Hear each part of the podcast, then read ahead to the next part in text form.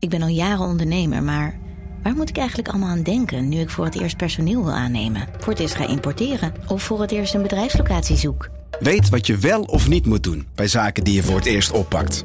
Check kvk.nl voor praktische stappenplannen. KVK, hou vast voor ondernemers.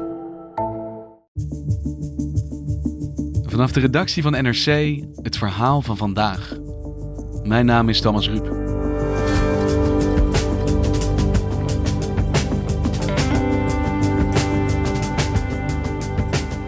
Ze werden de meisjes van de Goede Herder genoemd. Duizenden jonge Nederlandse vrouwen die tot in de jaren 70 dwangarbeid moesten verrichten in katholieke gestichten. Velen van hen raakten getraumatiseerd voor het leven, zo onthulde onderzoeksjournalist Joep Dome. Maar de kerk zwijgt. Gisteren verscheen een lang verwacht onderzoek naar geweld binnen de jeugdzorg. Komt er dan eindelijk erkenning?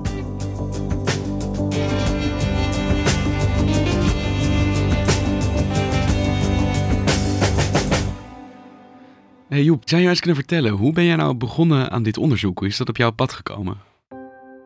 Ja, ik werd gebeld op een, eh, ik, volgens mij was het een keer een ochtend, door Annemie Knibbe. Joep Dome is onderzoeksjournalist voor NRC en doet al jaren onderzoek naar misstanden binnen de katholieke kerk.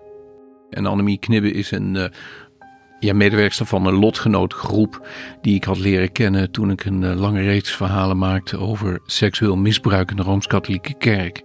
En uh, toen zei ze, ja Joep, ik heb nu toch iets wat heel belangrijk is en waar je iets aan zou moeten doen. En wat was dat?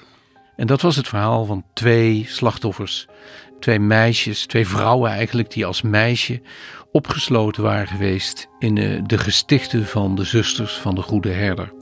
En dat had niets te maken met seksueel misbruik in de kerk. Dat had te maken met dwangarbeid.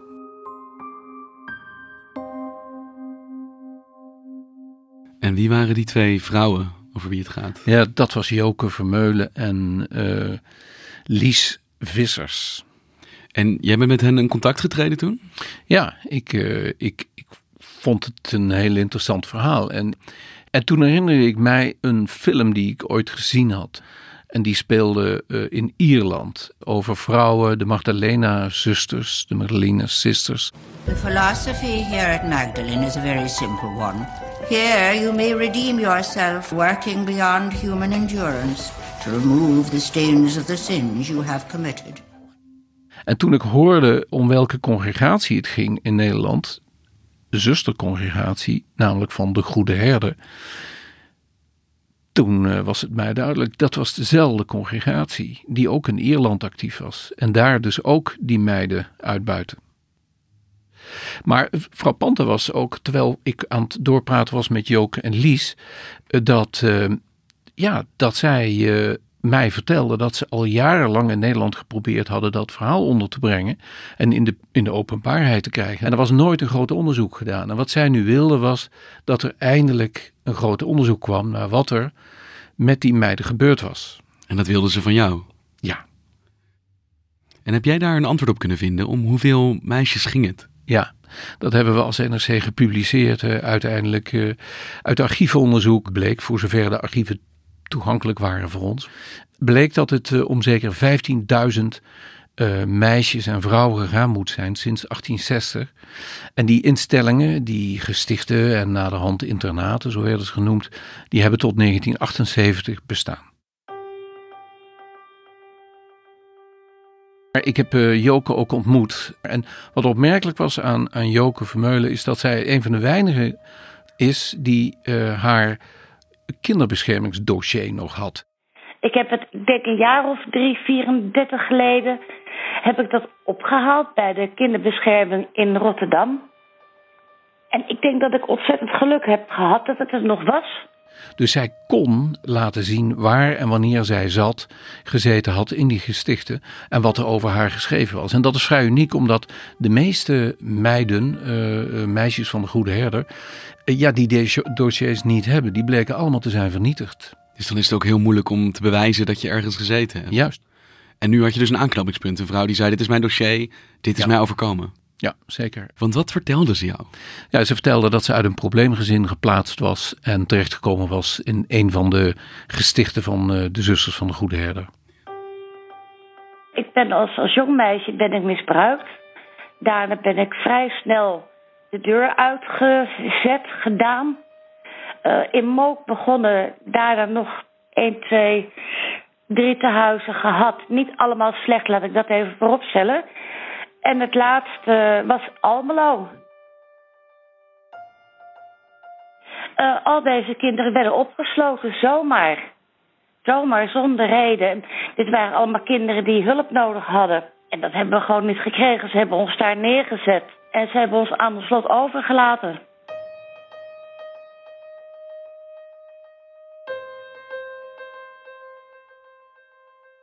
Want wat is dat voor een organisatie, die Zusters van de Goede Herder? Die zusters, dat, dat, het is dus een congregatie, een katholieke congregatie. Dat, dat zijn vrouwen die uh, zuster worden, een non worden en hun leven hebben toegewijd aan, aan de kerk.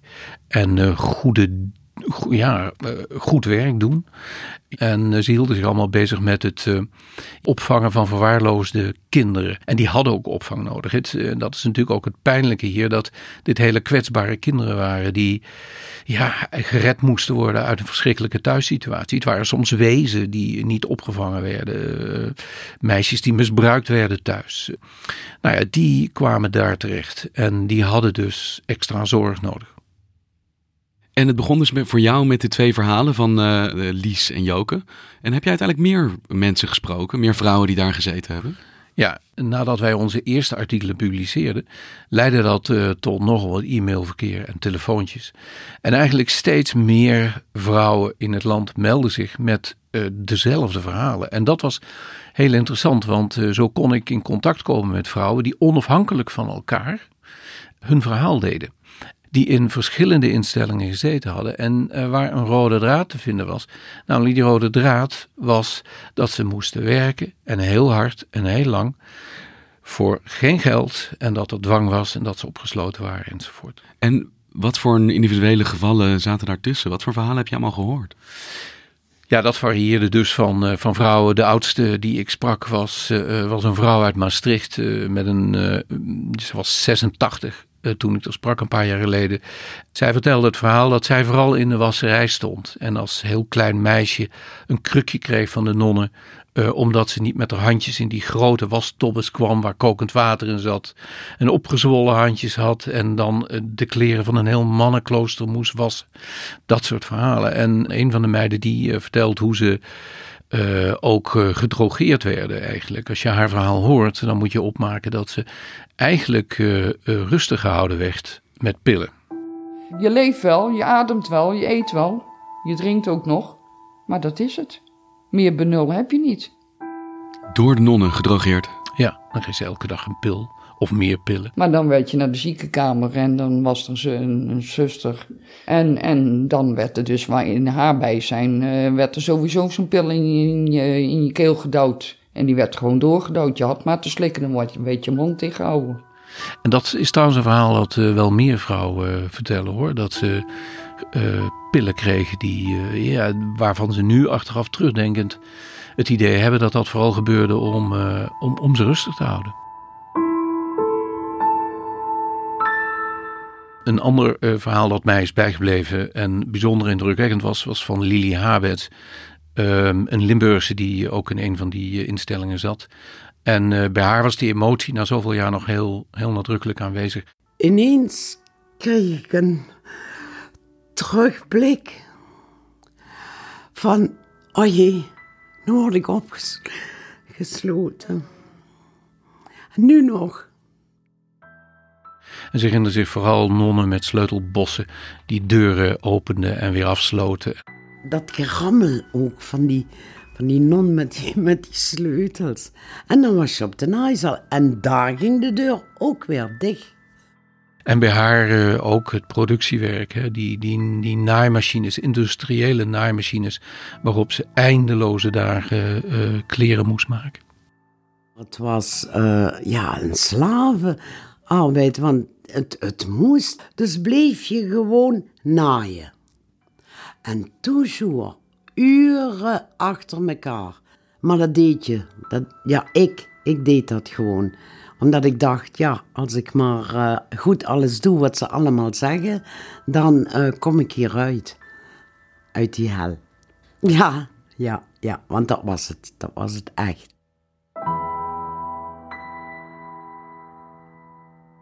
En dat werk dat ze verrichten, met welk doel was dat? Het, het klooster draaiende houden voor die nonnen? Nou, dat, dat, eh, dat werk van die meisjes leverde geld op. En, uh, die dat is commerciële arbeid. Zo is het. Ze hadden een wasserij in elke instelling, vier in het land. En daar namen ze commerciële opdrachten aan. Dus ze, ze wasten voor hotels, voor uh, kloosters, voor ziekenhuizen. En wat ze ook deden, dat was dus naaiwerk, productiewerk voor allerlei bekende merken. En dan werden dus uh, uh, ja, babykleertjes genaaid, hemden, blouses, jurken, rokken. En uh, dat was echt productiewerk, stukwerk. En op dat moment waren dus in Nederlandse winkels was kleding te koop die gefabriceerd was door deze minderjarige meisjes in kloosters. Dat klopt.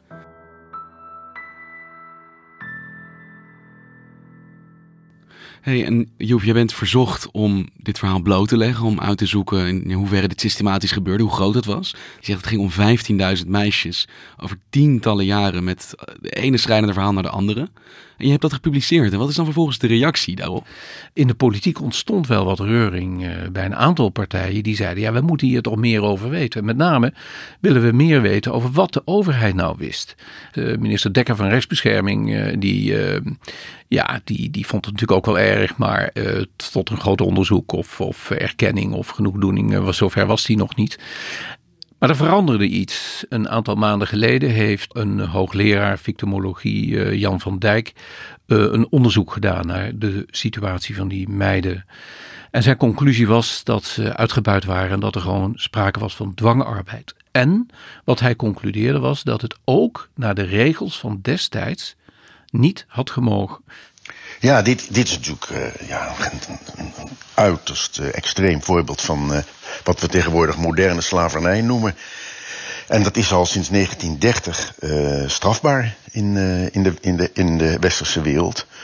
het, is ook een, het is ook een strafbaar feit volgens het Europees Verdrag van de Mensenrechten, wat uit de jaren 50 stamt. Dus ja, dit is een, een, een heel ernstig misdrijf volgens het wetboek van strafrecht, waar tien jaar gevangenisstraf op staat. En dat was een heel belangrijk punt, want je ziet na zijn onderzoek dat ook minister Dekker van mening verandert. Dat hij inderdaad vindt dat er erkenning moet komen, dat hij ook wil praten over genoegdoening en dat er uh, nu eindelijk schot zit in uh, die zaak in Nederland. Goedenavond. De regering biedt excuses aan. De afgelopen 70 jaar is er heel veel misgegaan in de jeugdzorg. Kinderen werden daar juist slachtoffer van geweld. Dat is de harde conclusie van een onderzoekscommissie. Nu is dat rapport over jeugdzorg in het nieuws, uh, waar dus ook onderzoek is gedaan naar die zusters van de Goede Herder. Wat is daar nou uitgekomen? Wat zijn die conclusies van dat nieuwe onderzoek? Ja, dat is het lang verwachte rapport van de commissie De Winter. En toen de publicaties in NRC geweest waren, heeft minister Dekker deze commissie ook gevraagd om ook de goede herder nader onder de loep te nemen.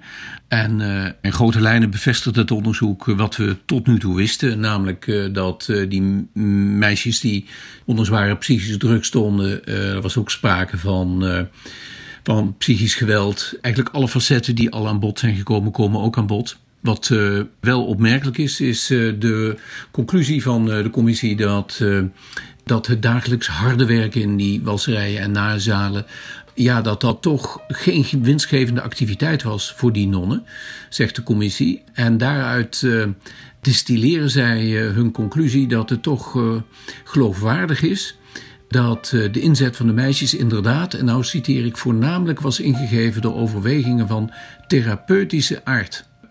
Maar ja, dat het dus tot dwangarbeid leidde, sluit dit allemaal niet uit natuurlijk.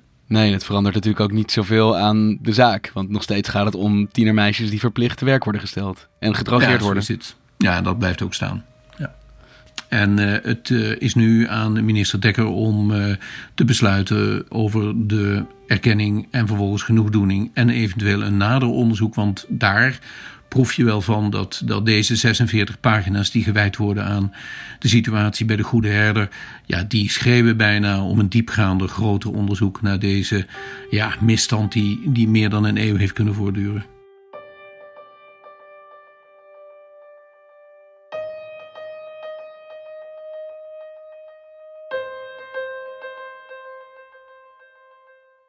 De gebeurtenissen zijn natuurlijk lang geleden, maar ik kan me wel voorstellen als je in zo'n cruciale periode van je leven, namelijk je tienertijd, als kwetsbaar meisje in zo'n omgeving opgroeit, dat dat wel langer gevolgen heeft. Ja, het merendeel heeft uh, toch een problematisch leven gehad. Het is een, uh, er zijn, een, ik heb er een paar gesproken die, die, die hebben zich ja, daaraan kunnen ontworstelen. Maar bij het merendeel zie je dat het blijvende gevolgen heeft gehad. En het feit dat dit nu naar buiten is gekomen en dat jij dit ook gepubliceerd hebt, uh, veranderde dat iets voor hen? Heeft dat iets voor hen betekend? Ja, het was, het was al voor heel veel vrouwen, zag je een erkenning. Hè? Dat ze, veel van die vrouwen liepen rond en dachten, ja, ja, ja, ik ben de enige. Of uh, ja, ik heb geen contact meer met de anderen. En nu, um, ja, het, het heeft met een stuk emancipatie, denk ik, te maken. Die vrouwen hebben elkaar ontmoet. Hebben zelfs nu een stichting opgericht. En uh, het, ze nemen het lot in eigen hand. En dat hebben ze natuurlijk hun hele leven, althans een belangrijk deel, niet gedaan. En niet kunnen doen. Dankjewel Joep. Graag gedaan.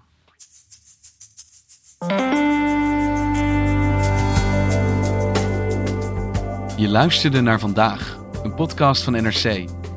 Eén verhaal, elke dag. Dit was vandaag, morgen weer.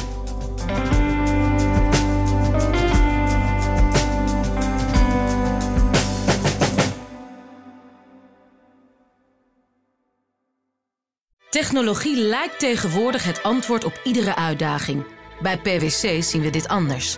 Als we de potentie van technologie willen benutten, kunnen we niet zonder een menselijk perspectief. Human-led, tech-powered noemen we dat. Ga naar pwc.nl.